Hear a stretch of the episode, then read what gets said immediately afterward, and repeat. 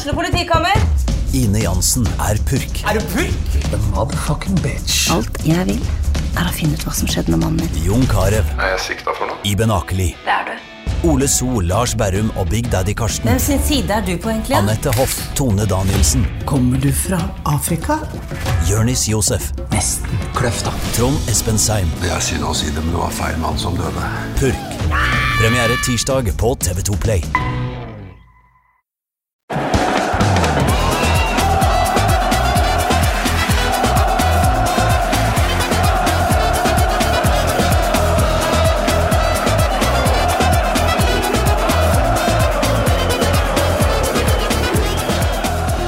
Hei og velkommen til eh, sesongpremiere på Pyro og Pivo. Nå har dere sikkert savna meg, Morten Galaasen, og mine idiotiske temavalg og gjestevalg eh, gjennom eh, sommeren, men eh, nå er vi altså tilbake. Før vi går i gang med dagens gjester og dagens tema, så vil jeg bare minne dere i Innlandet om at eh, førstkommende lørdag så eh, holder vi en liten liveseanse på Forza Second Hand, denne draktbutikken som er åpna på Hamar. Det starter halv sju. Eh, Billetter kjøper du gjennom eh, Forza Second Hand, så søk opp dem på Twitter. Det kommer også litt eh, promo i våre sosiale kanaler eh, før denne episoden er ute, så dere kan også sjekke Pyro Pivopod på Twitter og Instagram. Og hvis du vil holde deg langt unna Hamar, så er det også greit, for det er ganske begrensa med plasser. Uansett, i dag så skal vi eh, snakke om noe som er høyaktuelt for norske fotballfans. Vi skal snakke om VAR i Norge, vi skal snakke om trenerspørsmålet i Lillestrøm.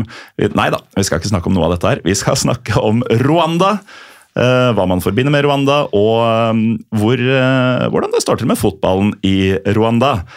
Og med meg så har jeg faktisk to folk som har vært i Rwanda og sett fotball der. Eh, Det er jo et bra utgangspunkt. Eh, Velkommen tilbake til deg, Andreas Seljås.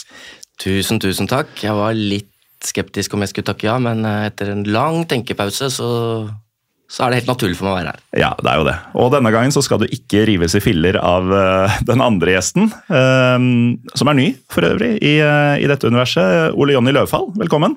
Takk, takk. Du er jo eh, mer en podkastlytter enn en podkastdeltaker inntil i dag. Eh, men en, altså, en ting som vi må prøve å ikke snakke for mye om, men som vi ikke kan unngå å ta med, er jo at du er fotballdommer. Og da ikke mann bak eh, kontoen at fotballdommer, håper jeg. Det Men, definitivt ikke. men eh, hva slags fotballdommer? Eh, Jeg er assistentdommer i Obos-ligaen for 15 år nå. Så begynner jeg å nærme meg sånn 300 kamper der. Mm. Og jeg vil vel kanskje si fotballfrelst i tillegg, så glad i groundhopping, se fotball i forskjellige land og, og forskjellig kultur, og derav Rwanda. Ja, vi skal jo dit, eh, selvfølgelig. Men eh, når du sier du er glad i groundhopping også, mm. er du bruker av appen? Det er jeg.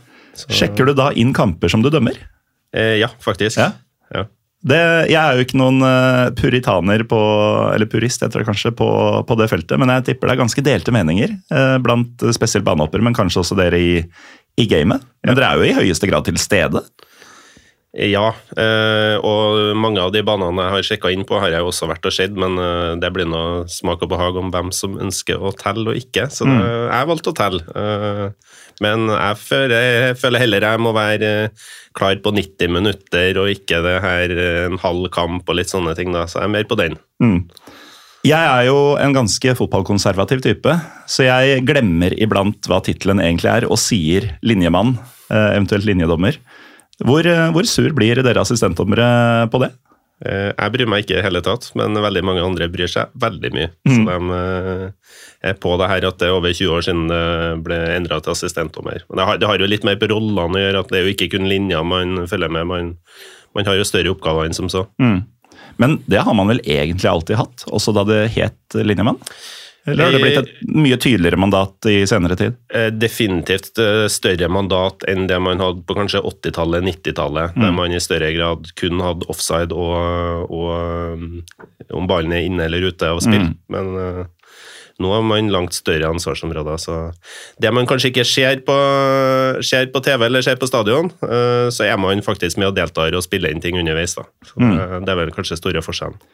Men eh, altså, dere, dere får jo en god del hets, eh, også i førstedivisjon, vil jeg tro. Det er jo kanskje enda mer, siden man kommer tettere på når det er mindre folkemengde og, og sikkerhetsavstander og sånn. Hva er det som trigger deg til å drive med dette her? Det er jo at man er glad i fotball. Eh, I motsetning til hva kanskje mange fotballfans tror, så er jo faktisk fotballdommere er jo glad i fotball. Det er jo derfor man driver på med fotballdømming.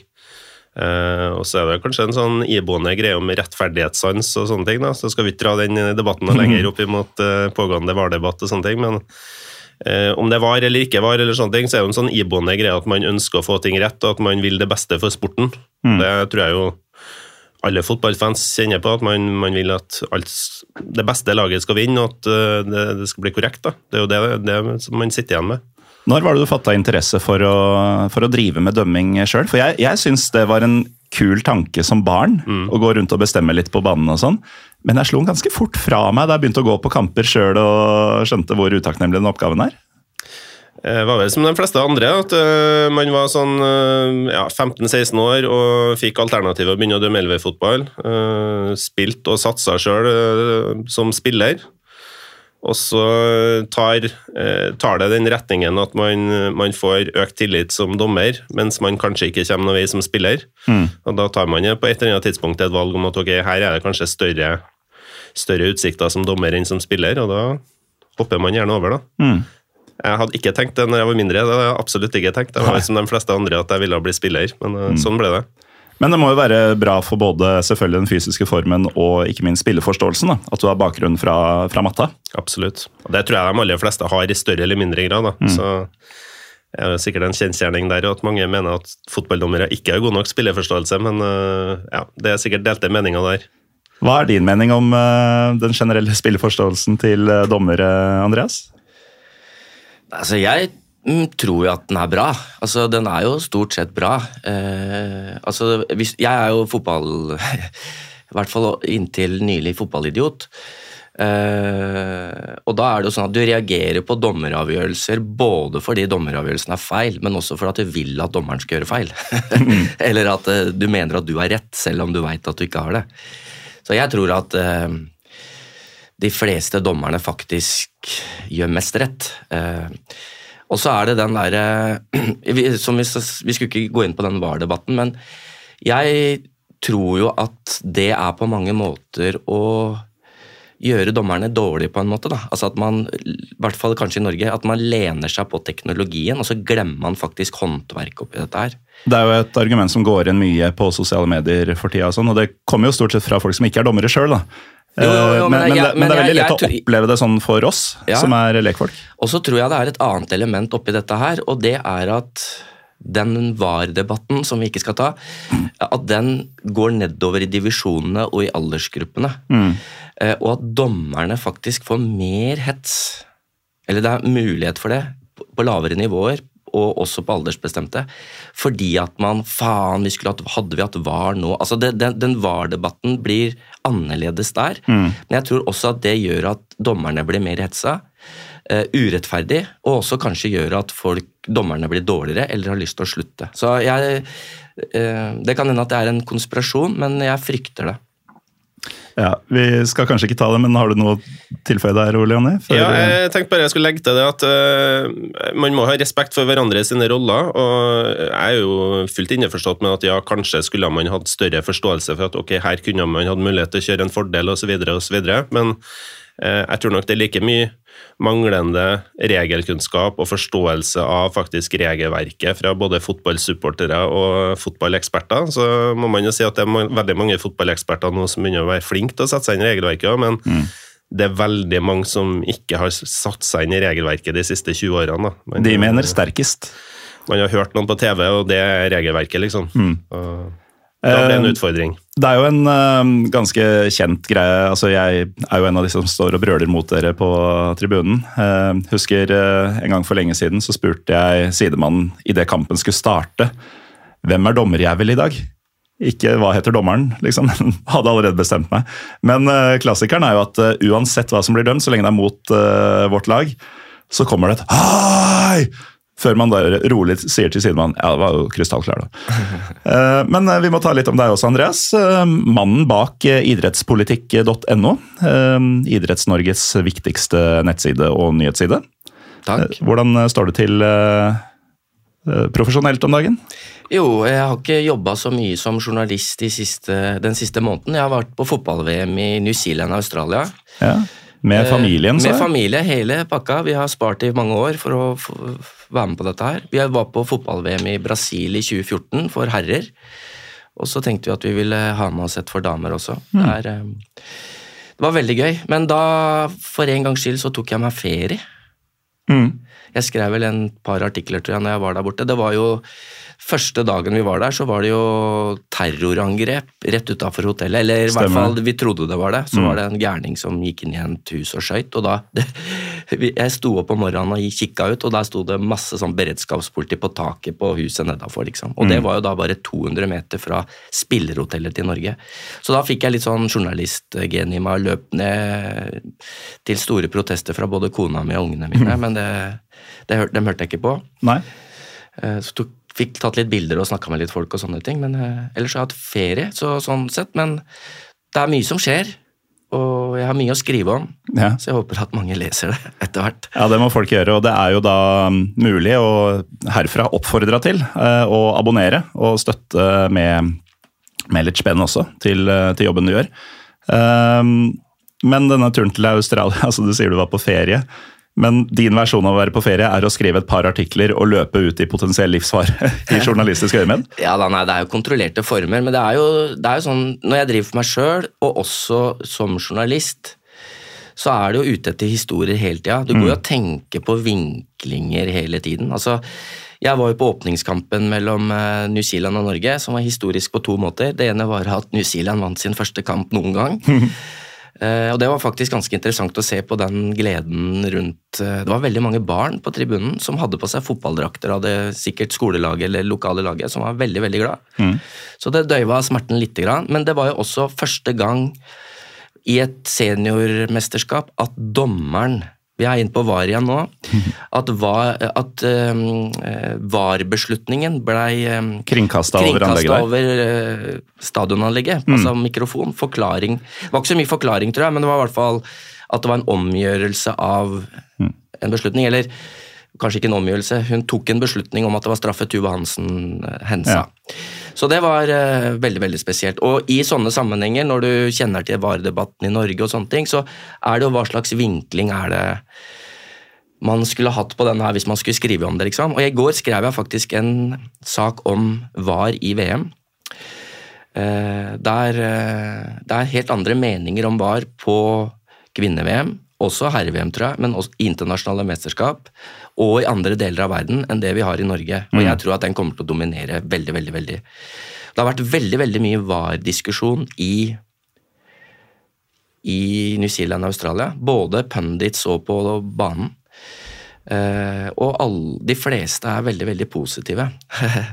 jeg er jo i utgangspunktet mot. Jeg syns det er helt forferdelig. Det har tatt bort litt av gleden min, men samtidig så må man jo prøve å ta inn over seg hva er det som skjer i andre deler av verden.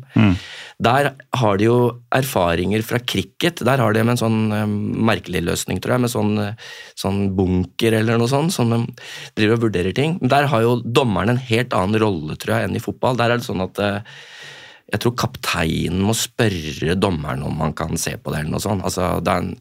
Og så har du rugby, som har det samme, og de roper jo ut på stadion. Ja. Og så på sånne mesterskap så er det veldig mange amerikanere. Altså Amerik USA, altså fotballsupportere, og jeg vil si fanatikere, det er kanskje litt rart å si, de er veldig interessert i fotball, mange av dem.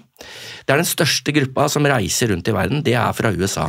Ja, jeg skulle til å si det da du nevnte dette med å kringkaste avgjørelsene over eteren her, at dette er jo ytterligere amerikanisering av sporten. Jeg følger jo med på NFL, Ja, ja. og der er det jo akkurat det som skjer. Altså, Dommerne har jo headset, og enhver um, Ethvert stopp i spillet uh, kringkastes jo hva det er som skjer, hvem, hvem blir straffa, hvorfor. Ja. Um, og da er det jo også opp til dommerne, og, nei, trenerne mener jeg, å hive inn et protestflagg, som de kan gjøre x antall kamper i hver omgang, eh, ganger i hver omgang. Eh, for å da tvinge dommerne til å se på en situasjon på nytt igjen. Mm. Men det som er poenget mitt, da, det er at den for de tilskuerne som jeg satt ved siden av. Veldig mange av dem. Amerikanere, australiere, newzealendere eh, og andre. De syns at dette var helt naturlig. Fordi at de drar det fra andre idretter som de har et sterkt forhold til. Altså er, I New Zealand har de jo ikke noe forhold til fotball, nesten. Det er rugby, ikke sant. Eh, eh, Australia er jo fotball veldig sterkt. altså Matildas, det er damelandslaget der, er jo Sam Kerr må, tror jeg Det kan hende Catty Freeman i 2000 er liksom regna for å være den største begivenheten noen gang. Men jeg tror at Sam Kerr er den største idrettsstjerna i Australia, om ikke ever, så i hvert fall på mange, mange, mange, mange, mange år. Idrettsstjerna, altså? Idrettsstjerne, og landslaget for damer har de største TV-tallene av alle. Du kan, du kan sammenligne med hva som helst, om det er realityserier eller TV-programmer eller sportsbegivenheter og sånne ting, så er det så. Så det er liksom Det er vi i Norge er fem millioner. I Sydney bor det fem millioner. ikke sant? Altså, Det er de proporsjonene der. Og da, når du begynner å diskutere fotball, så blir jeg litt sjokka over kunnskapsnivået. Eh, Og kanskje at de liker var. Men det er, det er dem som kommer til å styre skuta framover, fordi det er det kommersielle, det er Vi skal utbre sporten og sånne ting. Men nok om både Australia, damefotball, dømming, VAR. Det kan godt hende vi kommer tilbake til dømming, eh, for så vidt. Eh, Men dagens tema, som vi nå er et kvarter inn i sendinga uten å gå inn på, er jo Rwanda, av alle ting. Og eh, vi skal jo gå inn på deres eh, respektive reiser dit og opplevelser på kamp osv. Men sånn før dere dro eh, Kan jeg starte med deg, Ole Jonny? Du har ikke sagt noe på en stund. Hva forbandt du med landet Rwanda i forkant? Jeg har jo ganske sånn Når jeg hører Rwanda, tenker jeg umiddelbart ganske sånn mørke historiske ting. Hvordan var det med deg? Jeg tipper jo det alle folk flest forbinder med landet, er Hotell Rwanda, folkemordet i Rwanda 94, den biten der. Eh, og det var jo også til meg, men så har man jo prøvd å satse seg litt mer inn i ting. Eh, hørt litt annet fra podkaster og sånne ting med Einar Tørnquist osv. Fått litt input på ting som har skjedd. Eh, jeg har vært i Afrika tidligere, i sørlige Afrika. Eh, hadde lyst til å se mer Sentral-Afrika. Eh, jeg syns det er en spennende historie når man går fra det med folkemordet i 94 eh, til den utviklinga de har hatt. Eh, mulig Andreas her har en annen mening, men eh, jeg syns de har kommet veldig langt på veldig mange områder. og Det var også det jeg hørte om i, forkant. Så jeg var veldig sånn, interessert i hvordan de har gått fra det her folkemordet i 94 til faktisk å bli en form for venner i etterkant. Ja, for det er jo det er jo nyere historie, dette folkemordet. Altså, Det er jo på den tida vi hadde Balkankrigen i Europa. Det er jo sår som egentlig ikke er lega. Men uh, ja, det, det er jo fort folkemordet 94, som vi skal ta litt om snart, uh, som i hvert fall popper opp i veldig manges hu huer. Uh, Hvordan var din, din forhåndskunnskap, ditt forhåndsinntrykk av Rwanda, Andreas? Altså, jeg, er utdanna statsviter, så jeg har jo vært forsker i statsvitenskap. Og hovedbeskjeftigelsen min i mange år var jo menneskerettigheter og folke folkemord, blant annet. Så jeg hadde jo den innfallsvinkelen. Eh, og da var det to innfallsvinkler. Det ene er liksom hva, er det som skjedde, hva var det som egentlig skjedde i Rwanda? Og så er det det som skjer etterpå, forsoningsprosessen. Ja. Ehm, og forsonings... Jeg har jo også hatt et forskningsprosjekt som het Sport og forsoning, så jeg har jo da også sett på Rwanda i eh, Altså hvordan idretten kan bidra til forsoning. Så det var jeg, hadde jeg både tenkt litt på forhånd, men også var veldig interessert i å snakke om når jeg kom dit. Eh, jeg var jo ikke der fordi jeg skulle på groundhopping eller fordi jeg var veldig interessert i fotballen i Rwanda.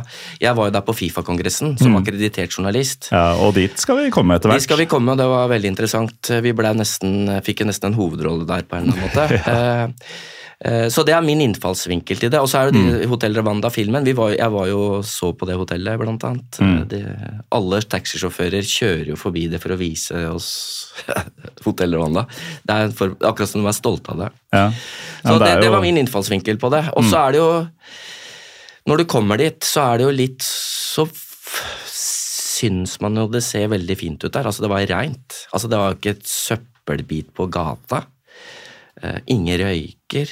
er Allerede her er det jo overraskende for mange, tror jeg. Ja, men altså, hvorfor er det sånn? Det er jo Og sånne ting.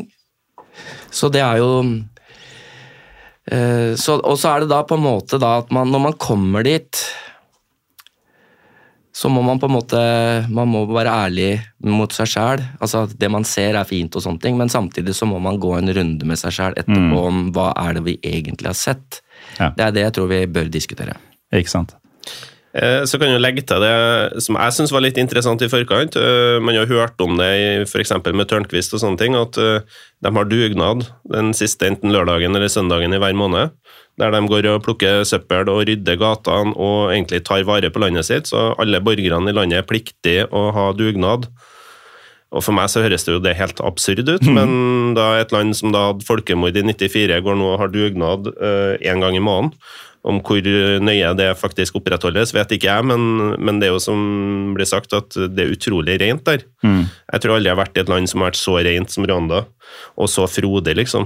Eh, sånne ting òg syns jeg er veldig interessant. Da. Hva, hva er det som gjør at et afrikansk land har kommet dit? Ikke sant. Um, vi kan jo ta litt Jeg skal ta noen veldig sånn grove skisser over den historien vi ak- snakker om her, da, som jo blir hoveddelen av det ikke-fotballmessige.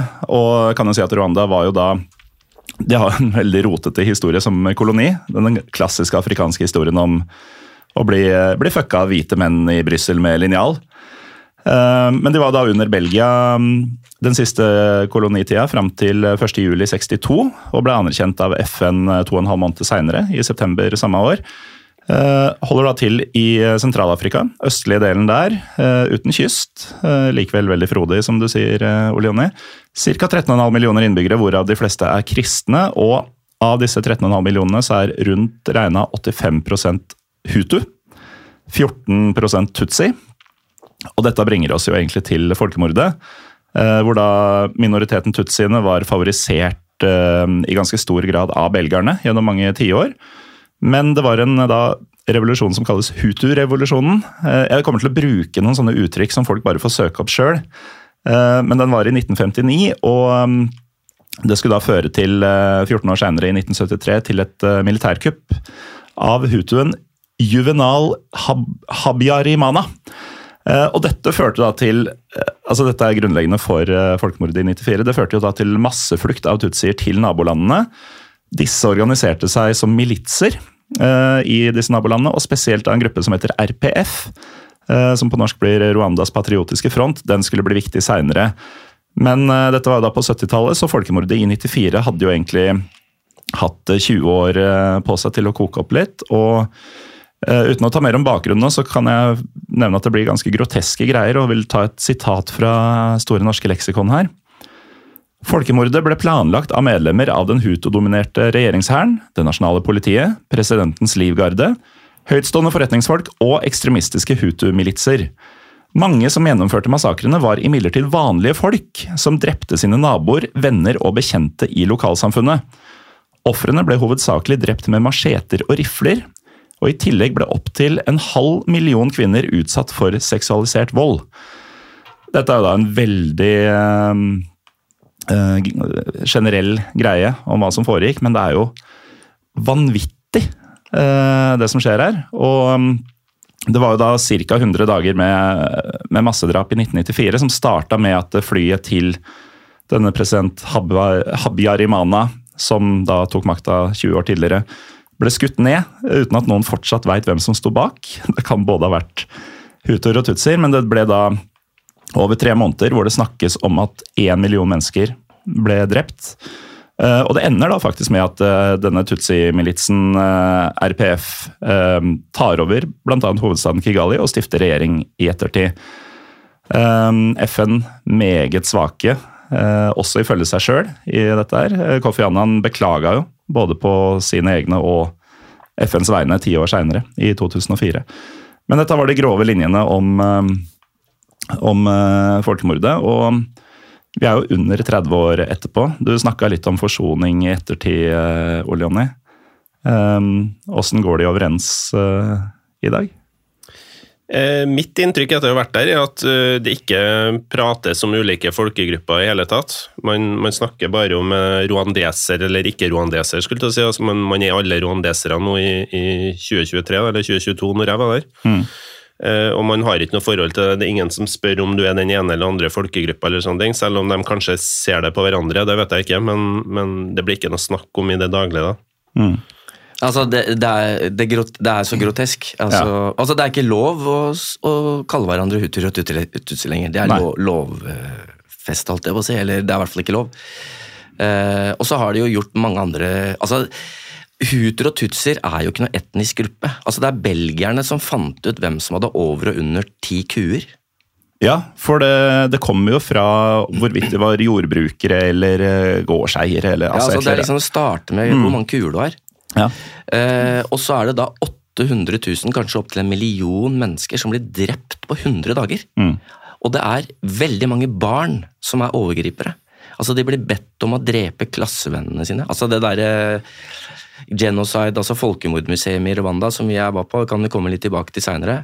Det er så jævlig. Mm. Men eh, du bør gå dit når du er der, fordi at eh, det viser hvor brutalt det er. Og så er det da det store, og så har de jo bytta språk. De snakker jo engelsk. De har bytta fra fransk til engelsk. Alle må lære engelsk nå. Og det er en del av eh, avstandstagene fra kolonitida, men også på en måte å skape en ny stemning, eller hva skal, jeg vet ikke hva jeg skal si i landet. Så det er veldig, veldig grotesk. Eh, Så er det da Er de venner? Er de forsont? Eller er det et autoritært styre som faktisk greier å holde sin klamme hånd over det? Ja, eh, Dette styret skal du få lov å prate litt eh, mer om seinere. Men hvis vi går tilbake til håper å si, forhåndskunnskap og sånn før man kom seg dit. ditt forhold til fotball i Rwanda, eller viten om fotball i Rwanda før turen, Ole Jonny? Det var vel så å si null. Ja. Man vet at de ikke har vært med i noe VM, sånne ting. Eh, De har sikkert vært med i noe Afrikamesterskap uten at jeg Én gang det. Ja, har de klart sant? å kvalifisere seg. Ja. Det var i 2004. Røyk i gruppespillet. Ja. Så de er jo en sånn eh, ikke-nasjon når det gjelder fotball, på mange måter. Eh, og det som er litt utfordringa med Footballogy-appen, Groundup-appen, uh, eller man sjekker på nett om kamper i type Rwanda og andre plasser, så, så er det ikke så enkelt å gjøre research på de ligaene der. Nei. Litt sånn usikkert når spilles kampen, og skal vi ha siste serierunde da, eller når, når, når skal ting avholdes? Eh, sånn at jeg visste faktisk ikke før jeg dro nedover når de her kampene kom til å bli spilt. Det, det Eller om, kanskje. ja, kanskje helst det, da. Jeg regna jo med det ble spilt noen kamper, men øh, det måtte jeg bare sjekke ut når det begynte å nærme seg, rett og slett. Bettingbransjen veit alltid når det går kamper. Ja, de veit. Er det pro-tippet ditt for å finne ut uh... Altså Når jeg er mo mot bettingbransjen sånn mange, fra mange vinkler Ikke ja, kritisk, i hvert fall. Eh, men der, er det, der går det an å finne kamper. Ja. Fordi det spilles på. Ikke sant? Eh, De veit når kampen går, og kanskje også hva som skal skje. De veit utfallet. Jeg gjorde det samme da jeg, jeg begynte å sjekke bettingsida for kamper i Rwanda, og gjennom det dobbeltsjekke på diverse andre sider, sånn som Footballogy. For mm. det er den fremgangsmåten man må ha for å faktisk verifisere går kampen klokka tolv eller går den klokka seks. Altså det, det kan være endring det på en dagsvarsel, eller samme dag også. Men jeg kan jo si at uh, vi, vi er jo litt inne på det. Det er, det er jo en dårlig fotballnasjon. Eh, som sagt vært i ett afrikamesterskap uten å ha sjanse der. Um, aldri vært i nærheten egentlig av å komme til VM. Og det sier jo kanskje litt når um, den mestskårende landslagsspilleren gjennom alle tider, um, Olivier Karekesi, i all hovedsak har spilt eh, fotballen sin i eh, svensk fotball. Eh, ikke nødvendigvis allsvenskan. Han har faktisk litt tid bak seg i HamKam også, her i Norge. Men hadde nok sin beste periode i Helsingborg på midten av 00-tallet. Fortsatt aktiv for øvrig, som 40-åring.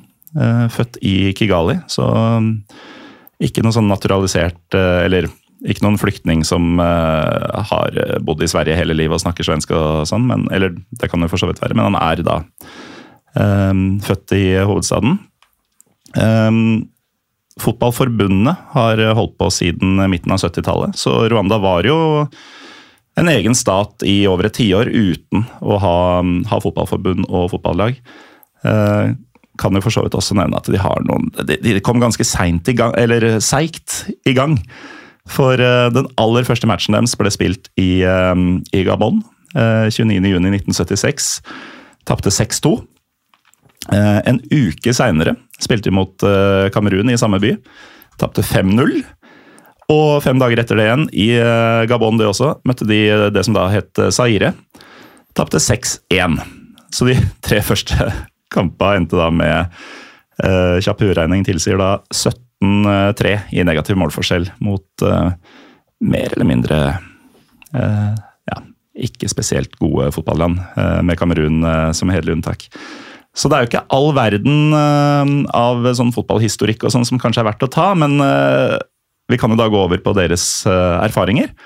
Uh, Ole Jonny, du nevnte at du er eh, fotballinteressert og groundhopping-interessert. og sånn. Eh, Var det det som først og fremst brakte deg til Rwanda?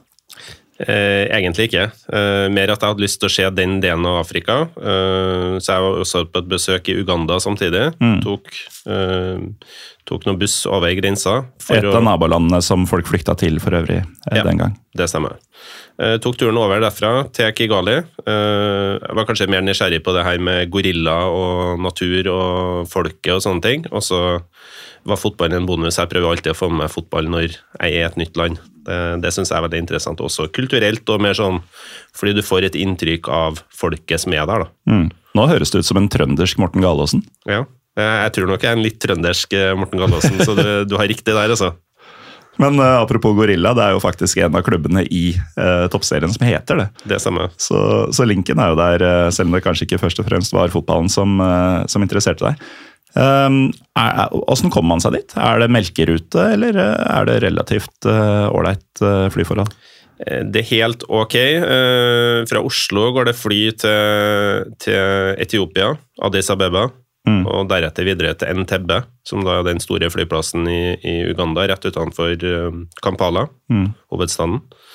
Eh, og tilsvarende også Rwanda. Så det, det går helt greit via Addis Abeba, altså. Så Mm. Og Is Istanbul òg. ja. Ja. Fordi de om i Istanbul. Ja, Turkish flyr jo absolutt overalt. Um, men da har du dekka din versjon av det også. Så én til to mellomlandinger.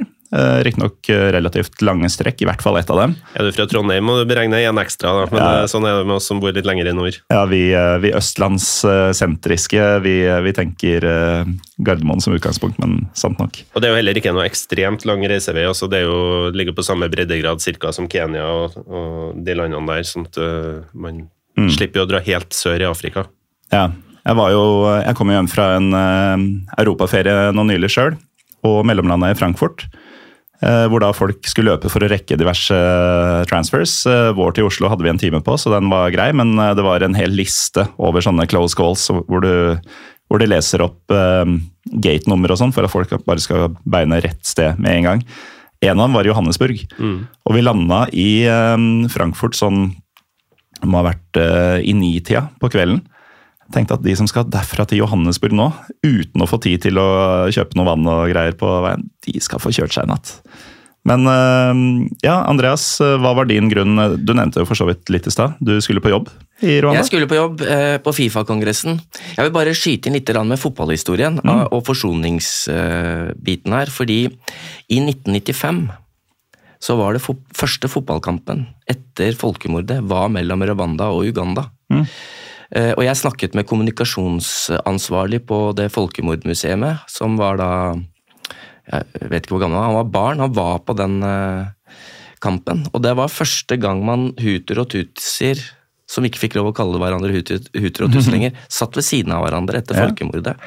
Og det var visst ganske sterkt. Og det var på de, flere av de vi prata med der nede, mente at det var starten på forsoninga. At fotballen på en måte var en bitte, bitte, bitte liten brikke i det. At du, mm. viste på den måten at du kunne sitte ved siden av hverandre.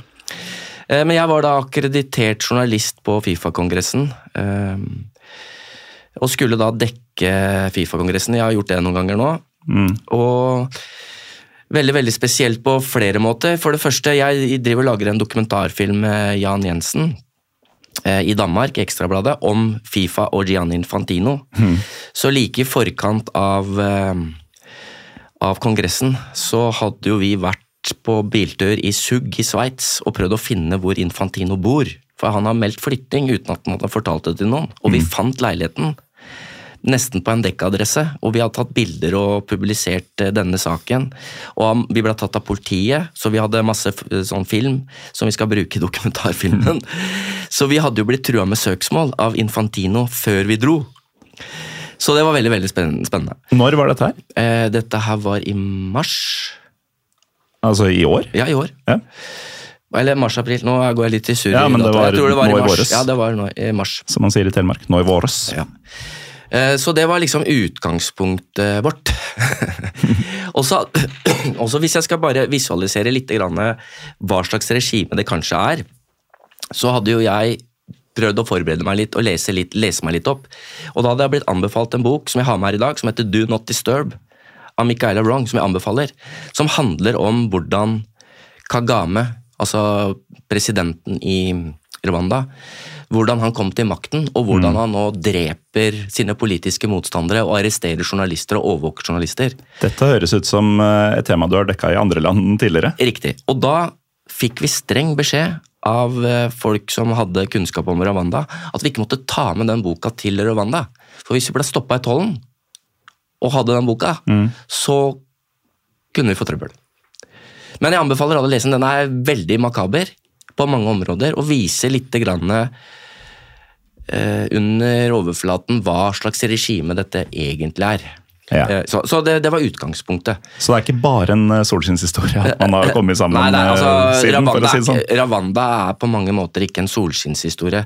Det er liksom holdt på litt holdt, holdt på å si den kinesiske tilnærminga til det. Stabilitet. Ja.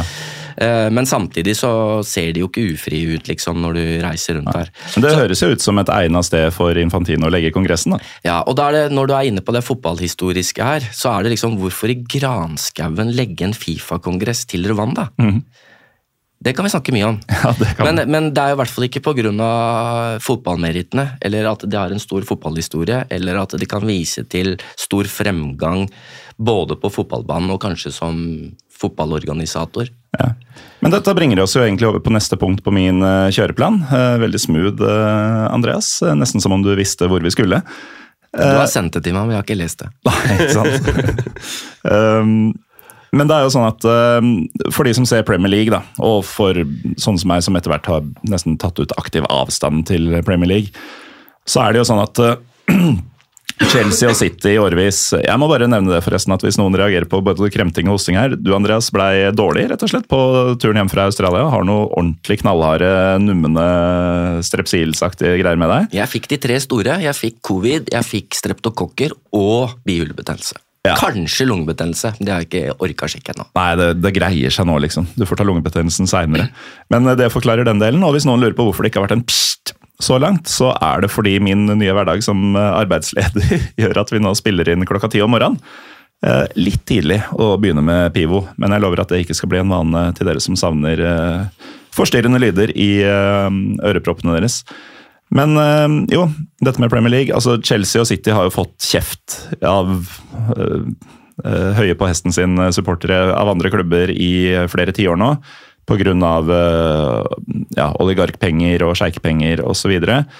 Og så har på en måte Arsenal, eh, av alle, blitt litt sånn sjarmerende underdog i kampen mot sånn som veldig mange som tidligere har vært eh, United-fans og sånn, håpa jo nå at Arsenal skulle vinne ligaen eh, sesongen som var, foran eh, City. Og så glemmer man litt at Emirates har jo vært inne der dritlenge.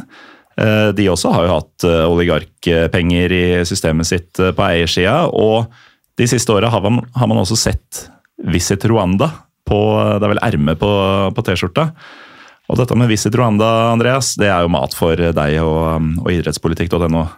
Ja, så Det er jo et veldig veldig bevisst valg av presidenten i Rwanda, Paul Gagame. Eh, og det fyller på mange måter hva skal jeg si, tre forskjellige funksjoner, tror jeg. Det ene er at han er interessert i Arsenal, så han kan bruke statens penger på å ha det litt moro i fotballens verden. Det er vel sånn russiske oligarker og arabere også holder på. Eh, amerikanerne, som også er inne i Arsenal, eh, tenker litt på en annen måte, tror jeg. De, Ja, er bruker, ikke, de bruker ikke penga bare for at det er moro. Eh, og så er det det andre elementet, er jo, som vi har vært litt inne på. altså eh, Rwanda er et ukjent safariland. Altså det er, det, går an å dra se gorillaer, går an å se veldig mange av de andre dyrene som man drar litt lenger sør i Afrika for å se. Og se dem, og så er det billigere der, og så er det Nå begynner jo sånn som flyforbindelsen å bli bra og sånne ting. Så det er jo en promotering av landet. Mm. Og jeg tror det er veldig mange som har dratt dit pga. at de har sett Visit Rwanda, og så begynner de å se på det, og det er jo sånn det funker. Ja, for tanken plantes ved Ja. at du ser det på Men så er det det tredje, da, som er liksom det vi Da snakker vi om liksom den politiske aspektet her, og det er jo at man bruker det for å dekke over ting som ikke er bra. Menneskerettighetsbrudd, forfølgelse av journalister osv. Så, videre. Eh, så det er liksom de tre, i hvert fall de tre, da. Det kan hende at det er flere grunner. Eh, Og så er det, det er et veldig viktig element som vi glemmer når vi snakker om Det er sportsvaskingsordet som mange bruker om dette. her. Jeg er litt sånn ukomfortabel sportsvaskingordet, både fordi at eh, vi def, du og jeg og du og alle definerer det litt feil, og da snakker vi ofte forbi hverandre. Og så tror jeg det også skjuler noen andre mekanismer, hvis vi bruker det for snevert. da. Eh, og det er den indrepolitiske effekten. Altså Dreiser du rundt i Rwanda og spør hvilket lag de holder med, så sier alle Arsenal. Ja. Eh, også når jeg sier at ja, du bruker to, altså Kagame eller staten Rwanda bruker 200 millioner kroner i året på dette her. Eller om det er året eller De har i hvert fall brukt enorme summer. To, Jeg tror det er to, mellom 200 og 300 millioner kroner. Er det verdt penga? Ja, det er det. Hmm. Fordi vi tiltrekker oss turister, og det er veldig bra. At, og det viser at vi mener alvor med sport og sånne ting. Så det er den der det vi snakker om, det er ikke nødvendigvis forsoningsaspektet her, men det er nasjonsbyggingsaspektet er et veldig viktig element. Og det gjelder jo også hvis du drar til Saudi-Arabia eksempel, og ser på den der massive flommen av spillere som går dit for helt enorm, abnorme summer, så er jo Saudi-Arabia er jo et fotballand. på et eller annet sånn hvis Ja de, ikke sant? Du kan ikke si at Tradisjoner Ja. for VM-deltakelse og store klubber og sånn. og stor fotballinteresse og sånne ting. Og det gjør jo at eh, opinionen der syns at dette er kult. I hvert fall fotballsupporterne. Eh, Så, og, og det er den indrepolitiske Det er kanskje det fjerde elementet, da, som jeg, nevnte tre i stad, som er veldig veldig viktig. Eh, og du, De går jo med Arsenal-drakter, gutter og eldre og tar av seg skoleuniformen, så er det Arsenal-drakt. Så, så det er jo grunnen til at de gjør det. Og så er det jo spørsmålet om det er bra. Ikke sant? Altså, Da er det bra at Arsenal tar imot de penga. Nå tror jeg ikke det er noe moral igjen i Premier League. Eh, Er det bra at vi ukritisk eh, ser på det? Altså Sånne ting. Det, er, det kan vi diskutere en annen- gang, for det er et større bilde, egentlig, dette her. Men det er helt bevisst politikk fra eh, presidenten i Rwanda å sponse på den måten. Og så har jo England et annet forhold til Rwanda nå. Nå har det jo vært en innvandringsdebatt eller flyktningedebatt der. De skulle jo sende alle flyktningene til Rwanda. Ja. Jeg tror faktisk, Har ikke det vært oppe i Norge også? Altså At vi skal liksom sende noen til Rwanda. Det er korrekt. Eh, eh, Så de har jo greid å profilere seg. altså De har da drevet folk på flukt til Uganda. Og nå står de fram som sånne redningshær for eh, konservative eller eh, veldig høyrevridde britiske politikere for å ta imot migranter, sånn at Storbritannia slipper. Og det er en del av miksen her. Hvordan det kobles til Visit Rwanda, det veit jeg ikke, men Rwanda har på en måte greid å få et eh, Skape seg en merkevare i Storbritannia. Både i politikken og i fotballen. Ikke sant? Um, kompliserte greier, Ole Jonny? Eh, Ja, eh, og så kan jeg bare legge til det Politikk er kanskje ikke mitt eh, fagfelt, det tror jeg vi må overlate vår sidemann her. Men uh, før alle lytterne av Pyro og Pivo bestiller seg tur til Rwanda for å, for å dra og se gorilla, så kan det nevnes at det koster ca. 1500 dollar bare det å komme inn og se gorillaen i en liten gruppe. Så det, akkurat Selve det er ikke safarien, liksom? Ja, altså det å en liten gruppe å få være inn med, med gorilla. Ja, Da er det billigere å dra på gorillakamp. Det er det, definitivt. Um, apropos det, uh, nå har vi kommet til det at dere begge har, er i Rwanda. Um, sett kamper, begge to. Um, dine kamper var kanskje av den litt mer offisielle sorten, eh, Ole Jonny.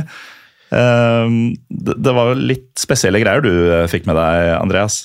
Ja, altså jeg fikk med meg to, to veldig Jeg vet ikke om det første var fotballkamp, sånn som vi definerer det. Var ikke noe sånn groundhopper-kamp. Det er at Gianni Infantino, Fifa-presidenten, han arrangerer alltid fotballturneringer i forkant eller i forbindelse med sånne Fifa-kongresser, også fotball-VM.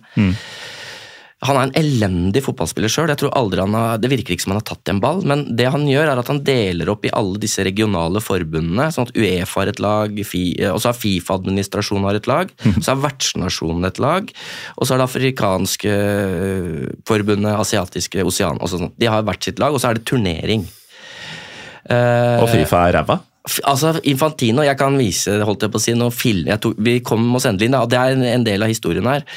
Eh, Fordi det skulle være på da den nye offisielle, det som heter da Kigali Pelé stadion. Husk at etter at Pelé døde, så sa Gianni Infantino at han oppfordret, eller ba alle land om å oppkalle en stadion etter Pelé.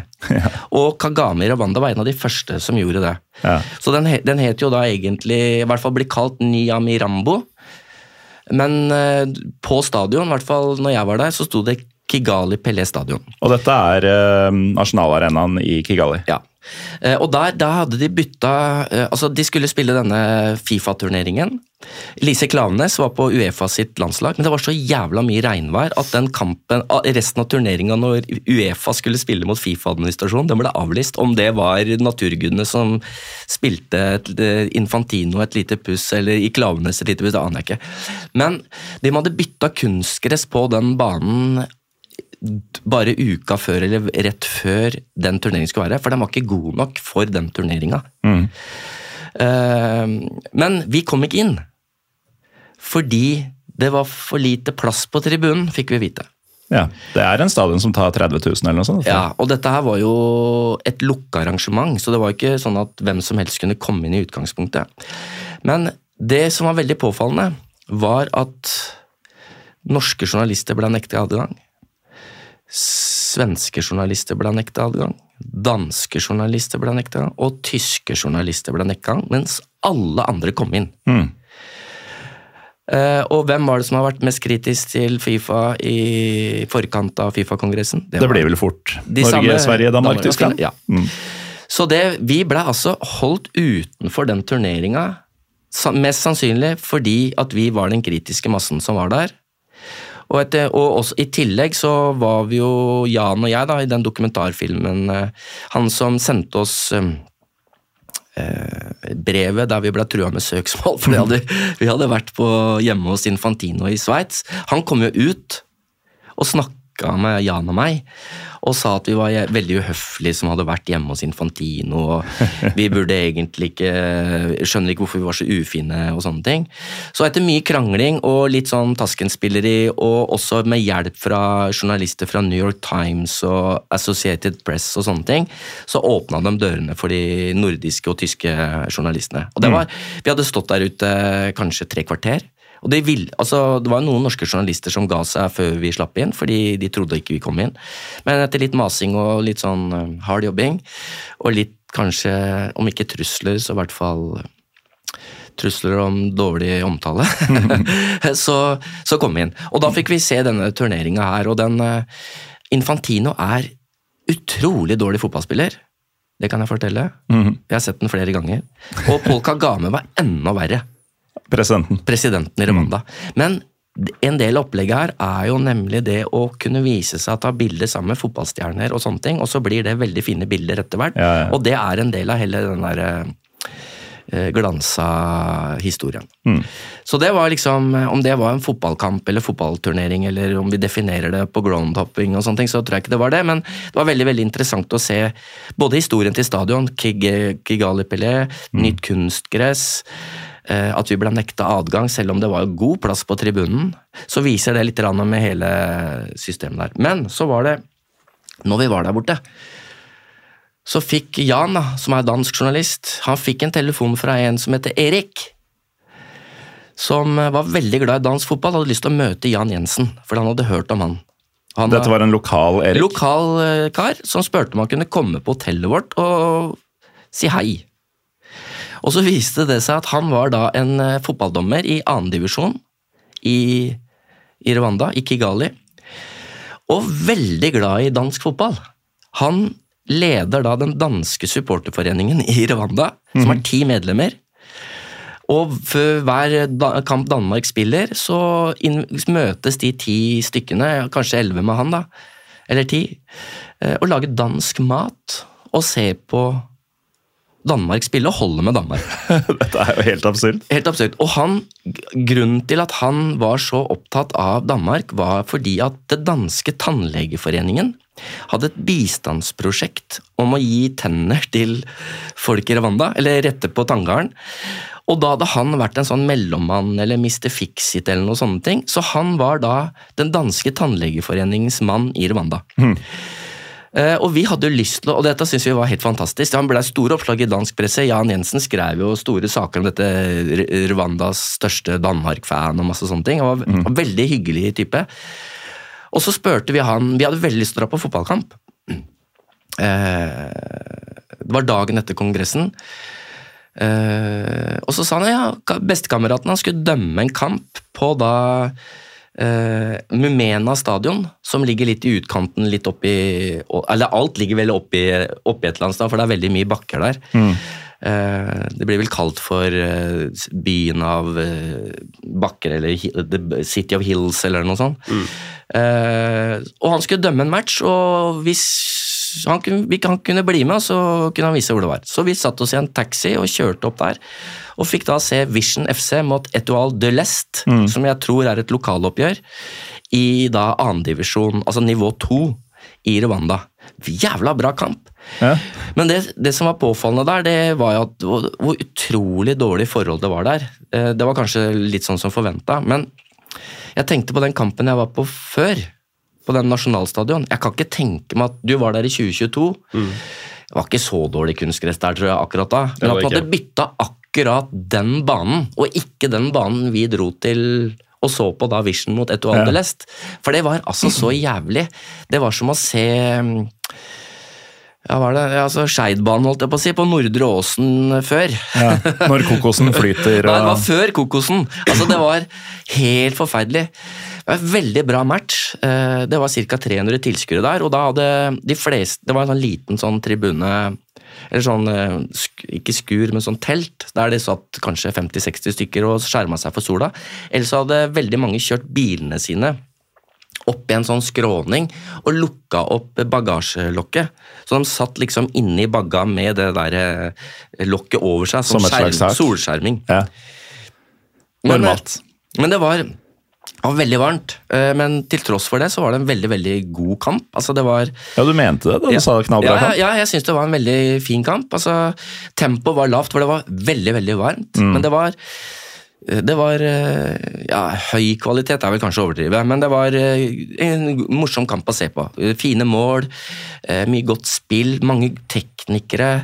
Eh, Du så at det var spilleplan og sånne ting, som jeg syns var veldig, veldig, eh, veldig, veldig bra. Vision FC utviste blikk for spillet mot eh, stjernene fra øst. Riktig, det var en sånn uh, Nytt på nytt-ding på den der. uh, så det var veldig altså, opp, Men så opplevde vi også Vi blei jo blikkfang, altså alle lurte på hva vi var, for vi, vi lagde jo dokumentarfilm også, så jeg hadde med meg kameracrew og, og sånne ting, så da var det veldig mange unger som fløyk rundt, og mange unger som gikk i ganske Alle spilte i sandaler. Og triksa og finta og sånne ting. Det var sånn fotball Det var sånn skikkelig fotballglede. Ja, mm. ordentlig.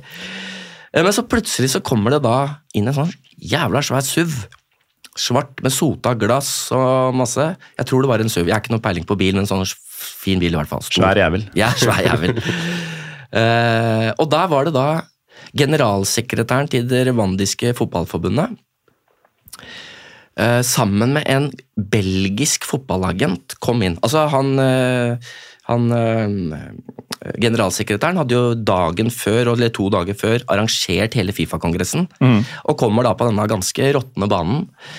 Eh, og da hadde han med seg da en agent i bilen sin, og han, den agenten Jeg snakka med han agenten, eh, jeg snakka også med generalsekretæren, som vi fikk filma og tatt bilder av og intervjua både til nettsaker og som kan lese på idrettspolitikk.no, eh, eh, at han agenten jobba for at rwandiske fotballspillere, unge spillere som var i Belgia, som hadde flykta eller var barn av flyktninger, skulle komme tilbake til Rwanda og spille i den lokale ligaen, eller eh, scoute dem for at de skulle komme eh, på landslaget.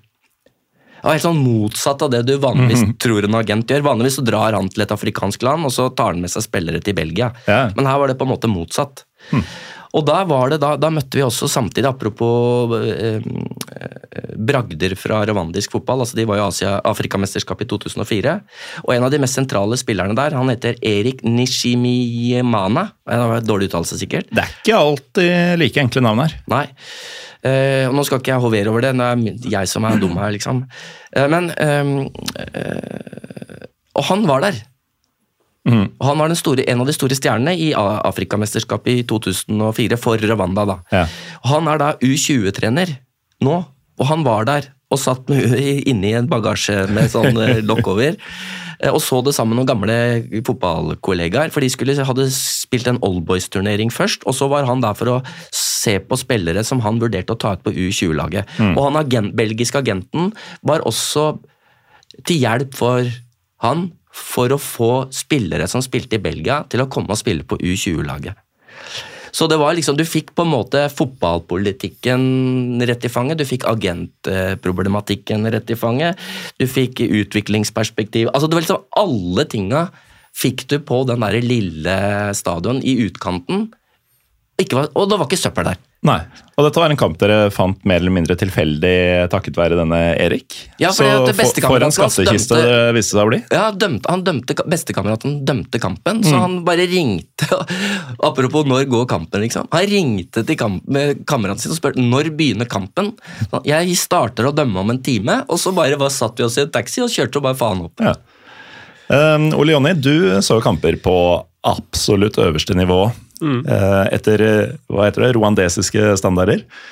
Um, både én og to kamper, Det stemmer. med noen helt eh, fantastiske um, klubbnavn. Men eh, du kan jo ta oss gjennom det. Altså, um, hva så du? Hvordan kom Eller hvordan kom du over kampene, har vi jo for så vidt dekka med bettingsidenes oversikter. Men eh, ta oss gjennom eh, kampdag én. Eh, hvordan går man frem, og hvor, hvor skjer det? Jeg var jo litt spent, da, for jeg hadde jo aldri vært på, på kamp i Rwanda fra før av. Jeg hadde ikke vært på denne stadion tidligere. Eh, typisk der også, ta en taxi, en eh, Uber, fire-fem kilometer ut av selve liksom, sentrumskjernen. Uber funker i Rwanda. Det gjorde det, så det var veldig greit. Eh, og så kommer man dit. Eh, ingenting som minner om europeiske ting når det gjelder billettkjøp. Ingen billettkjøp på nett, sånne type ting. Så da er jo ting litt sånn Hva gjør man her nå? Så man må jo gå bare spørre seg rundt uh, for å prøve å finne ut av hvordan man får tak i billett. Uh, For det her var også på det hovedstadionet, uh, Pelé-stadionet i eh, Kigali, så det er ikke bare å gå til én tribune hvor det er en liten bu. Det er et Det var det ikke. Uh, og det kommer jeg til, for det, er jo ganske stort rundt stadion. Uh, jeg lurer på om det var løpebane og sånn også på den stadion. Uh, det kommer jeg ikke på, men det var ganske sånn ovalt stort, det stadionet i hvert fall. Og jeg gikk rundt og spurte etter billetter, og da var det til slutt ei dame som sa at hun kunne hjelpe meg, men jeg måtte ha rwandesisk SIM-kort for å få bestilt matchbillett. Så du måtte bestille på telefon da, på den kampen her. Og da fikk jeg etter hvert kjøpt en billett. Jeg tror den kosta rundt ti kroner, altså norske. Så det er jo ikke noe kostnad å gå på kamp i Rwanda. Eh, stor, fin stadion, 25 000-30 000, eh, med tak over en fjerdedel ca.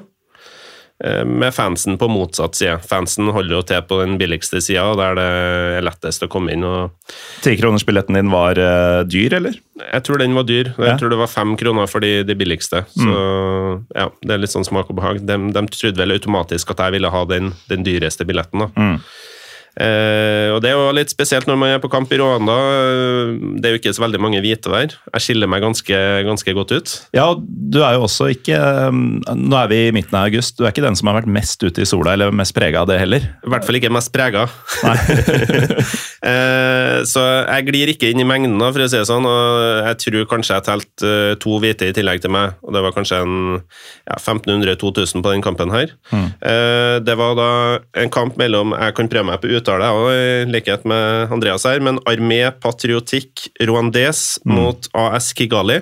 Ja, så rett og slett eh, den patriotiske rwandesiske armé. Det høres litt sånn ut. Det er litt av en fotballklubb, tenker Ja. jeg. Og dem er de mestvinnende, tror jeg, eller i hvert fall en av de mestvinnende i Rwanda. Mm. to lokale lag som spiller da på samme stadion. Ja.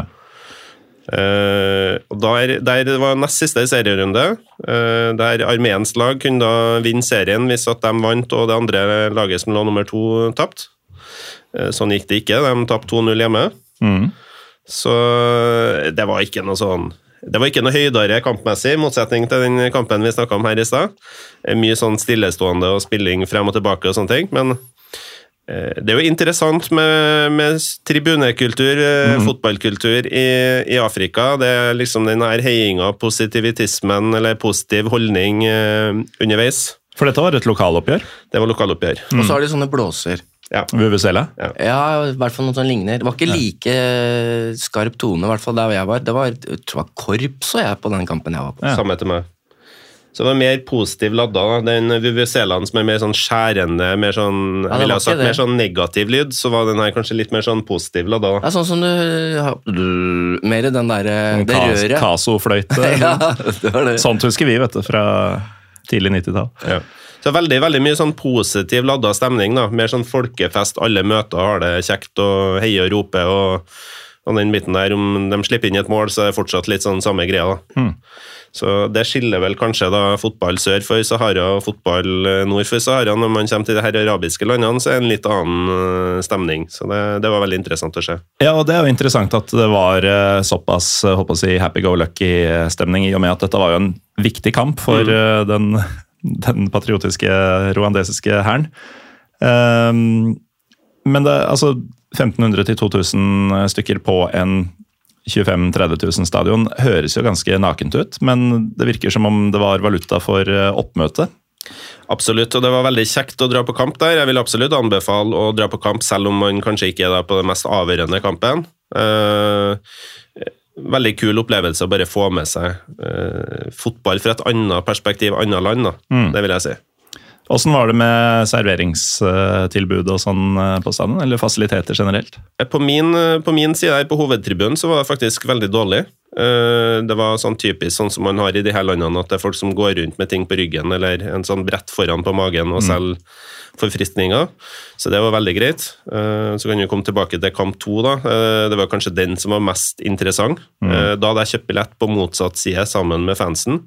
Det var en hel langside med supportere. Jeg tipper kanskje det var rundt 10 000 på den her langsida. Eh, Alle sto, og alle var med og dansa og spilte eh, diverse instrument og sånne ting. Eh, Og Der var også type ølservering og sånne ting, så det ble flittig brukt på, blant både de lokale og, og turistene, skulle jeg si. Så på um, holdt å si ståtribunen så var det ølservering, altså. Det var det i hvert fall på den siste kampen. Og det som var litt sånn spesielt der, da, det var jo en avgjørende kamp, det også. Siste serierunde. Mm. Eh, men det er jo veldig mange av de her lagene i Rwanda som deler stadion. De har denne stadion alle sammen. Mm. Eh, så da var det faktisk tre kamper som ble spilt på denne siste avgjørende matchdagen. Derav den her var den siste, da. Ja, så Eh. alle tre kampene var i samme liga og ble spilt på samme stadion på samme dag. Ja. Det er jo relativt uvanlig. Det er veldig spesielt. Eh, Men den starta jo heldigvis da samtidig som kampen med lag nummer to, da. så de, de spilte jo i hvert fall samtidig. Eh, Og den her siste, siste kampen var også det her Armé Patrio Patriotikk Rwandes, som spilte da mot FC Police. ja. Så da er Ar- Armeen sitt lag mot eh, politiet sitt lag i her siste kampen. Eh, Det er mulig det var derfor det var ganske sånn bekymringsfri stemning blant eh, fansen, at de følte seg trygge på hvordan det her endte. Det vet ikke jeg noe, men uh, Jeg tipper at uh, vaktene også tenkte de kunne slappe av litt, for her var det sterkere krefter i sving. jeg vet ikke. Men uh, det var veldig spesielt, og, og det her lederlaget da vant denne kampen 2-0, da, så de ble jo seriemester. Mm. Eh, Og her var det betydelig mer fans, og så jeg tipper kanskje nærmere 12 000-15 000 totalt. det. Det er gøy. Ja, Så det var veldig, veldig kjekt. Og um, ja, vi snakka om valuta for litt siden. Um, Godt valg å bytte tribune til denne kampen. Absolutt. Eh, og litt sånn selv om man da eh, føler seg litt sånn malplassert som nordmann, hvit nordmann på denne tribunen, man, man skiller seg veldig godt ut, da, så, så føler man seg aldri utrygg. Da, I hvert fall gjør ikke jeg det. Eh, Jeg har jo vært og farta litt tidligere, men, men eh, Rwanda er jo også en av de landene som omtales som veldig trygg, så man, man føler seg ikke utrygg i Rwanda, i hvert fall gjør ikke jeg det. Så eh, det var veldig kjekt. Kjente du på det samme når det gjelder sikkerhet, eh, Andreas? Ja, ja, altså det er jo Jeg følte vi reiste litt rundt, og vi var jo filma nede i sentrum også, med litt sånn utenfor eh, kontakt av uh, offisielle representanter, holdt jeg på å si. Der var det mer folk, og folk var nysgjerrige og kom etter oss og tok på kamera og ville være med på filminga og sånn, men det var helt sånn uproblematisk. Altså Den som er, var mest ufin mot meg og de jeg omgikkes med der nede, var jo Fifa. Mm. Det var de som prøvde å sette kjepper i hjula for oss. Eh, vi blei jo til og med skjelt ut. Altså, Gianni Infantino er jo da eh, Nei, jeg følte meg trygg. altså bare for, det, var, det tror jeg også er en del av den der pakka til Kagame. At eh, det skal være reint der, det skal, folk skal føle seg trygge osv. Mm. Som kommer der. Men hadde jeg dratt fram Do Not Disturb og gått på i hovedgata, så tror jeg jeg hadde blitt fanga ganske kjapt. Ikke like trygt, da. Nei. Eh, Men altså det, det, sånn at det er Fifa på en måte i sånne sammenhenger som er råtne. Mm. Altså Vi jo, vi hadde jo da vært selvfølgelig, vi hadde jo vært på denne omtalte eh, turen i Sveits og ikke kommet inn på den kampen dagen før Fifa-kongressen. Og på pressekonferansen etterpå, eh, etter kongressen, så hadde jo Infantino nok en sånn der eh, merkelig pressekonferanse. Han hadde jo en i forkant av VM i Qatar. Ja, hvor han følte seg både gay og Immigrantarbeider, til og med. Ja. Men Nå i Australia og New Zealand så følte han seg bare trøtt og sliten, for han hadde flydd så lenge i privatfly fra Tahiti. Stakkars. Eh, Men der var det jo da Why are you so mean? sier han, og så ser han på Jan og meg på pressekonferansen. Eh, Fordi vi hadde jo vært hjemme hos han. Og da kom han med 15-16 minutter med sånn tirade mot pressen, og går så knallhardt til verks. Og så går han i en sånn skikkelig og vi ser de der eh, medhjelperne til Infantino altså Vi rekker opp hånda for å si ting på pressekonferansen, vi får jo aldri ord, ikke sant? Og du ser at de hjelperne hans eh, gjør sånn når eh, de der kamera, nei, de der mikrofonfolka som er, skal, er mot oss, da, og så beordrer de en annen vei. Altså, vi blei jo sensurert. Ikke noe tvil om det. Eh, uh, og så går han jo en sånn skikkelig clinch med han Matt Slater i The Athletic. Uh, han får mikrofonen, da, og han kneller til så veldig mot Infantino. og De blir veldig eh, Men da sier jeg altså, Sånn at det er liksom det som er greia. Eh, men han eh, sier jo da 'go to the genocide memorial', sier han til alle. For at han, Det som er helt perverst med Infantin, han sier jo så mye rart, og han tenker bare på seg sjæl. Narsissist. Så han, i 2016, da han starta valgkampen sin for å bli president, så var han i Rwanda og ble dissa av alle eh, de afrikanske forbundene, for de, støtta han Salman fra Bahrain. Eh, og da fikk han, han Det her satt han og fortalte, det er bare bullshit. ikke sant? Da fikk han en billett av Kagame til å gå på den der, eh, det som nå heter Kigali-billett, for å se en kamp. Og da ble han inspirert da, til å dra på det der folkemordmuseet. Og da ble han inspirert. Altså, mine sorger skal ikke få legge lokk på min aspirasjon til å bli Fifa-president. Derfor vil, fortsetter jeg valgkampen. Altså, det var, så hardt. Men da dro vi jo da til Vi dro, fulgte hans eksempel. da, For første gang jeg har gjort det Infantino har bedt oss om. Vi dro jo, Det var veldig bra, det folkemordmuseet. Det må alle dra på som er der. altså. Det er eh, forferdelig, men viktig. Men da var hele Fifa-gjengen der. Så han der Brian Swanson, han som er, han som er homofil Han var jo i Qatar og satt ved siden av Infantino på pressekonferansen og sa etterpå at I am gay and I feel secure in Qatar, liksom. Han møtte vi. Så jeg var jo prata litt med han og hjalp ham litt med sånn headset for sånn oversettelse og sånne ting. Han var litt, han var litt ukomfortabel, tror jeg. Men da kommer da hele bøtteballetten og har blitt beordra ut av Infantino for å dra på Folkemordmuseet. Det var jo bra, da. Eh, Men som sagt, de begrensningene jeg følte i Rwanda, det var det Fifa som kom med, og ikke myndighetene i Rwanda. Nei, ikke sant. Eh, Og med det så er vi jo litt over på um, livet i Rwanda som eh, reisende um, utenom fotballen. Eh, Jeg antar at man møter litt folk, spiser litt mat, drikker litt drikke, Ole Jonny. Hvordan opplevde du eh, den ikke-fotballmessige tida av turen din? Eh, veldig bra. Eh, kosthold, mat, sånne type ting. Hvis man skulle inn på det, så er det som vi snakka om i stad, det er et veldig frodig land. Eh, de har veldig mye gode råvarer, både i Rwanda og Uganda, for så vidt.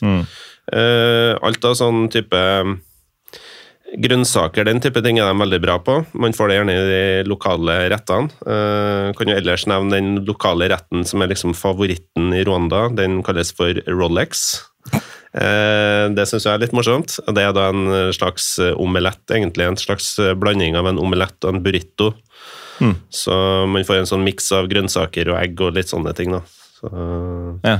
eh, det var kanskje det jeg sitter igjen med som eh, den mest sånn fremtredende matretten der. Ellers er det jo jeg føler det er ganske sånn europeisk på mange måter når det gjelder mat og drikke og sånne ting der. altså De i større grad tilpasser seg Europa, men de har jo også selvfølgelig de her rettene som er knytta til sånn bønner og de her eh, billige matvarene for dem nedi der, som de gjerne da får tak i i Rwanda. Peasant food. Nettopp. Men eh, du sa det var øl på stadion. Eh, var, eh, Åssen er holdt på å si, drikkekulturen i gatene i Kigali? Er det, er det noe liv? Det er liv i Kigali. Eh, Jeg vil kanskje tenke at det er litt sånn typisk afrikansk. Eh, Folk henger litt rundt, folk koser seg bare. Eh, Så det er ikke sammenlignbart med Europa eller den, ellers den vestlige verden, men det er absolutt at de drikker og koser seg og nyter livet som andre vestlige. De, de, jeg tror de trekkes mer imot den vestlige kulturen. Da. Så helt vanlig kultur knytta til øl, f.eks., er gjerne det de drikker ned der. Og mitt inntrykk, i hvert fall. Din, din versjon, Andreas? Nei, altså jeg Alle var så vennlige og elskverdige og sånne ting. fall Altså Vi var på litt sånn mer sånn offisielle ting, og vi bodde jeg tror vi bodde i et ganske fint område rett ved en politistasjon.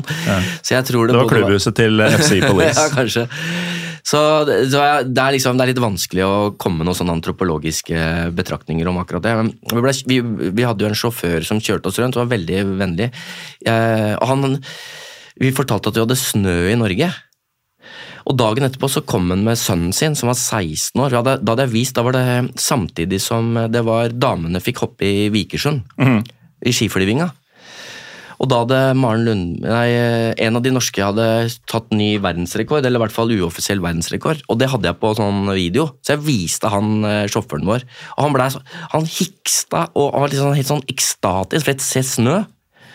Og så dagen etterpå så en, kom, tok hun med seg sønnen, som egentlig leste til eksamen, og ville at jeg skulle vise den YouTube-videoen og snø og sånne ting. Og da hadde datteren min hadde sendt meg en video der hun, det var snødde veldig i Oslo akkurat da. Så men da hun kasta snøball og kasta snø over seg sjøl, fordi jeg hadde fortalt at hun skulle gjøre det, nesten. Og viste det, og de ble helt ekstatiske. Han sønnen, han 16-åringen har jeg kontakt med nå, får meldinger fra han og lurer på hvordan det går i Norge, om det snør og og veldig, veldig Men de var, de var så veldig imøtekommende. Eh, De var veldig elskverdige, og maten syns jeg var kjempegod der jeg var. Vi spiste en del kylling. Veldig godt. Eh, Litt sånn gryteaktig og sånne ting. Og jeg tror vi blei kjørt inn på steder som de mente var bra, da, sånn at vi liksom ikke skulle være uheldige også. Men, og det var øl og sånne ting. Men nå veit ikke jeg så veldig mye om demografien egentlig Rwanda, men jeg tror det er en veldig, veldig ung det er en veldig ung befolkning. Og de vil jo også være ute og ha det hyggelig og kjærester og drikke øl og, og sånne ting. Det er eneste som, det er det der søppelgreiene, og så er det jo forbud mot plastposer. Når vi, vi ble stopp- Totalt? Ja, totalforbud. Vi ble stoppa når vi kom dit ganske seint på kvelden. Jeg tror vi kom dit midt på natta. Så ble vi stoppa og søkte gjennom om vi hadde plastposer. For det hadde de tatt, tatt fra oss hvis vi hadde hatt med det i bagasjen. Så det du ikke kan ha med inn i Rwanda, det er eh, akkurat den boka Ja, eh, og og plastposer. Ja.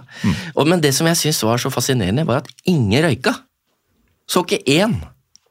Altså De som røyka, var da i det internasjonale miljøet vi var i, med korrespondenter og Fifa-ansatte, liksom. Men det der må eh, det, det må være en kampanje som er gjort der på det området òg. Ja. Sånn helsepolitisk, eller jeg veit ikke hva de kaller det. Men jeg, sånn totalinntrykket, de folka vi møtte, var veldig elskverdige. På hotellet Vi hadde jo bestilt på sånn Ikke noe gjennom noe offisielt byråer på hotels.com eller noe sånne ting, og det var ikke noe sånn sjekk eller noe sånne ting, og de som jobba der, eh, både i baren og i restauranten og i frokosten og alt mulig, de var så hjelpsomme og behjelpelige.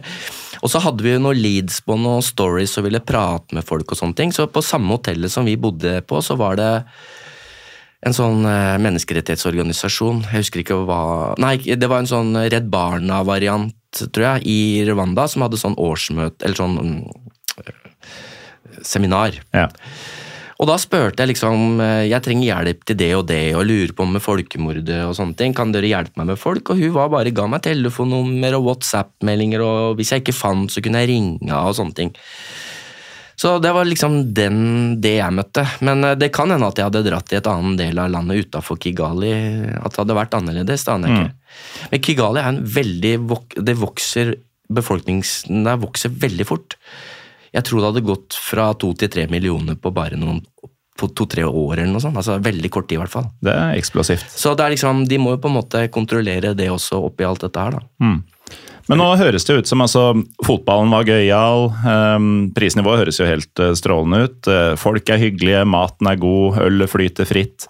Eh, det høres jo mer og mer ut som en helt kongedestinasjon, og da må vi nesten ta noen skritt tilbake og huske på at vi starta med folkemord og Visit Rwanda og kynisme rundt det ene og det andre. Eh, hvorfor er det så reint, hvorfor går det tilsynelatende så godt overens og sånn. Så avslutningsvis, eh, bør man eh, Visit Rwanda, Ole Jonny? Eh, Mitt svar er definitivt ja. Eh, Jeg reiste jo hit alene og har jo vært i lignende nasjoner før. Eh, Jeg vil absolutt si at hvis man skal dra til en første nasjon i Afrika og ukjent med kulturen og sånne ting, så kan man absolutt vurdere Rwanda som det første landet man reiser til. Men kanskje ikke dra til Rwanda det første du gjør hvis du ikke har vært og reist alene eller bare vært i Norge og England fra før av. Da kan du kanskje starte med en annen først. Ja, men- ta noen mellomstasjoner. Ja. hør gjerne på noen gamle Pyro Pivo-episoder for tips til gode mellomstasjoner før man prøver Rwanda på egen hånd. Eh, hva tenker du, Andreas, som eh, tross alt eh, ser eh, flere sider av de fleste saker? Jo, altså jeg tror jo at det er bra å reise rundt og, og se på hvordan ting er, og så gjøre seg opp noen refleksjoner, men ikke bare basert på det man ser, for ofte så vil jo de du reiser til at du skal se ting på en spesiell måte. Så det lønner seg å ha med seg litt historisk ballast og sånne ting. Så det er jo ikke noe dumt å dra rundt i verden. Eh, Nå er det kanskje det miljøargumentet som, som slår mest inn på reisevirksomheten nå. Mm. Men eh, det altså, jeg- kanselleres jeg- av eh, null plastposer på turen. ja, nei, du kan ikke ta med deg det. Men, eh, så det er, det er liksom men, Så man må ta med seg den historiske konteksten og den politiske konteksten og sånne ting. Men, men som journalist så mener jeg at man bør dra dit eh, og se på og grave litt mer i det som skjedde. TV 2 hadde en veldig god sak når de kom hjem, tror jeg, eh, om journalist som var fengsla og eh, på helt holdt på å si feil grunnlag. eh, Og sånne ting, og at eh, Det er det som på en måte, Hvis jeg ser på det som en yrkesperson, da, eller ser på menneskerettigheter eller ytringsfrihet, og sånne ting, så er det jo et land som ikke er bra. Eh, Eller i hvert fall stort forbedringspotensial. Ja. Eh, Men det er alltid sånn at vi som er utlendinger, når vi kommer et sted, så har vi alltid mye mye større frihet enn de som bor der. Eh, Det gjelder om du drar til Qatar eller Saudi-Arabia kanskje også. ikke sant? Altså, mm. Så det, Der folk spør meg i jobben min eller unga mine eller er du aldri redd? Ikke sant? Jeg er aldri redd. Det kan godt hende at det er en sånn feilkobling, men, men samtidig så er det sånn at det, som utenlandsk journalist i et annet land, så er du ganske godt beskytta. Hadde jeg vært journalist fra Ravanda, eller russisk journalist, eller saudia, Tyrkisk. saudisk, mm. tyrkisk, ikke sant?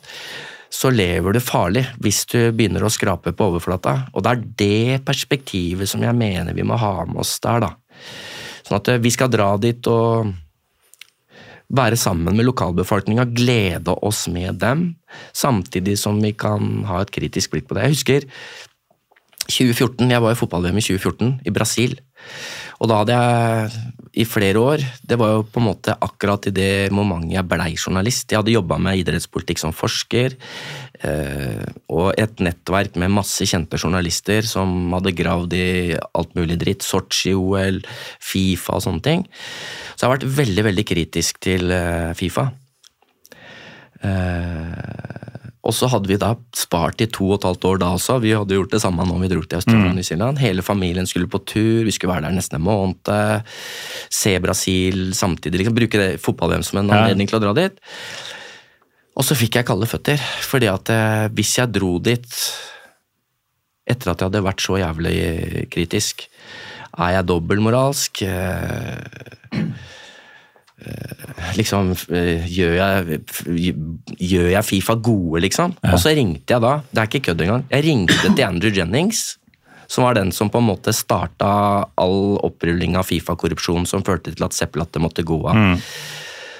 Eh, og han, han fikk også Johan Antonio Samarang, altså IOC-presidenten, til å gå av etter avsløringen om uh, Salt Lake City-korrupsjon. Så, og så hadde jeg, da hadde jeg bestemt meg om at hvis han sa at jeg ikke skulle dra, så drar jeg ikke til Brasil. Det hadde vært et helvete hjemme. Og så sa han til meg at vet du, Andreas, you should go.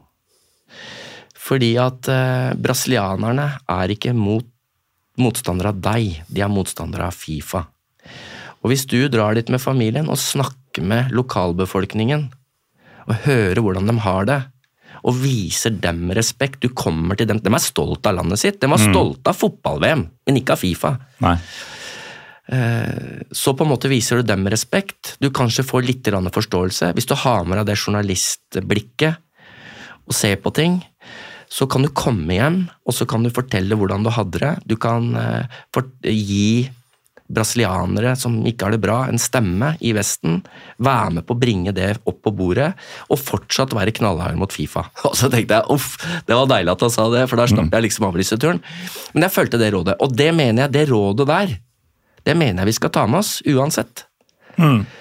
Om du er fotballdommer og har lyst til å dra og se på hvordan de dømmer i Rwanda, eller eh, eh, se hvordan Fifa holder på som journalist, liksom, så kan man Man skal ikke liksom boikotte og kaste alle ut i kulda og sånne ting. Det er jo ikke vanlige folk som er eh, fienden.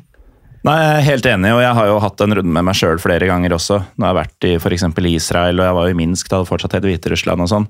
Um, og bestemte meg for nettopp det samme. da, At um, man kan jo dra og oppleve og interagere med lokalbefolkninga og sånn, uten at det betyr at du godkjenner hvordan ting eh, styres og, og drives med her. Du har hatt fingeren oppe en stund, Ole, Ole? Ja, jeg tenkte bare jeg skulle si det. Jeg syns det er interessant å høre øh, når det blir fortalt om hans perspektiv på det å dra til Rwanda, og det syns jeg er det som er interessant å høre om hans andre reiser om ting og tang fordi jeg sitter igjen med et helt annet perspektiv enn han etter den turen til Rwanda. For meg så var egentlig ting bare fryd og gammen i Rwanda, og alt var bare bra, og jeg syns alt det med politisk og sånn oppfatta, det til å være veldig bra. Eh, Men så har jo ikke jeg den her bakgrunnskjennskapen som han har. Jeg har ikke den samme utdannelsen og forskninga og sånne ting, så jeg sitter igjen med et helt annet inntrykk. Men jeg tviler jo ikke på det han sier, men bare av min opplevelse var helt annerledes. da, og Jeg følte meg bare trygg, og det var god stemning. og Etter kamp, alt det der, det var bare bare god stemning alt sammen, egentlig. Eh, bare positive inntrykk av hele landet og folket. Så, Ja, men jeg har jo det òg. Det, det, det, men det er liksom ikke noen motsetning på det. Men det er på en måte hva er det som Når vi reiser derfra, hva er det som skjer i det landet da, liksom? Eller med dem du har møtt. Det er jo mange ting. Jeg kan tenke meg at er de vi spør, Hvis jeg spør ah, hvilke fotballag holder du med, Arsenal, de turte jo ikke å si noe annet. Nei.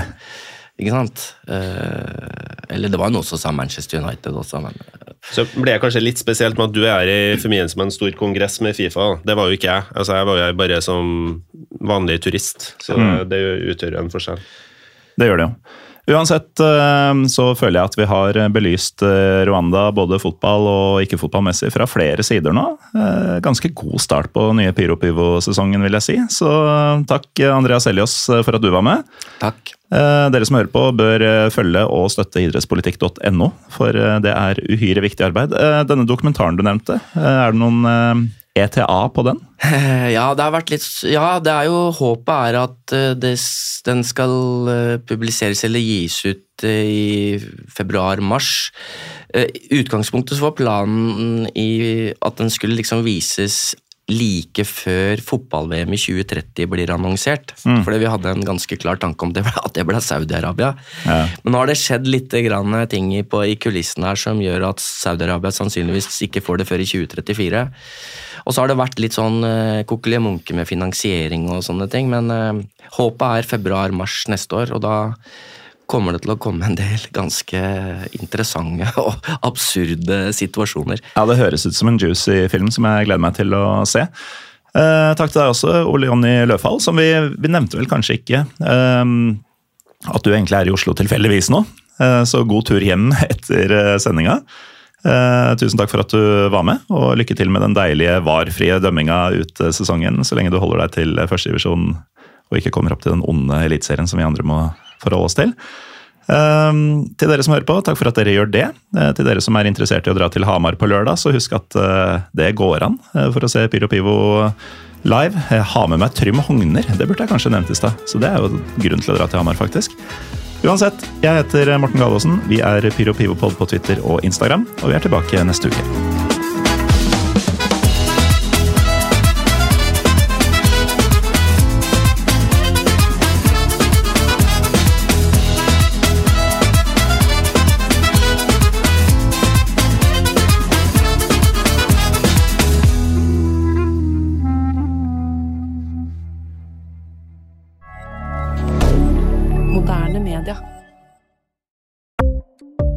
Ukens annonsør er HelloFresh. HelloFresh er verdens ledende matkasseleverandør og kan være redningen i en travel hverdag. Mange av oss har nok vandret i butikken både sultne og uten en plan for middagen, som ender med at vi går for de samme kjedelige rettene gang på gang. Middag burde være dagens høydepunkt. Som HelloFresh kan du nå velge mellom 25 ulike retter hver eneste uke, eller få HelloFresh til å sette sammen menyen for deg. Dette gir deg muligheten til å prøve nye og spennende retter alene eller sammen med familien. Du velger antall porsjoner og får alt levert på døren på et tidspunkt som passer for deg. Oppskriftene er enkle, og maten er lett å lage både for store og for små. Ved å få alt levert hjem får du også mer tid til å dele matgleden med familie og venner. Kanskje det frister med asiatiske tacos eller greskinspirert kylling? Da kan jeg anbefale deg om å gå inn på hellofresh.no. Her kan du bruke koden FOTBALL og få opptil 1779 kroner i rabatt på de første fem matkastene hvis du ikke har prøvd HelloFresh tidligere. Du kan også bruke rabatten hvis du har vært kunde og stoppet abonnementet ditt for tolv måneder siden eller lengre. Gå inn på hellofresh.no og bruk koden FOTBALL. Har du et enkeltpersonforetak eller en liten bedrift? Da er du sikkert lei av å høre meg snakke om hvor enkelt det er med kvitteringer og bilag i fiken, så vi eh, gir oss her, vi. Fordi vi liker enkelt. Fiken superenkelt regnskap.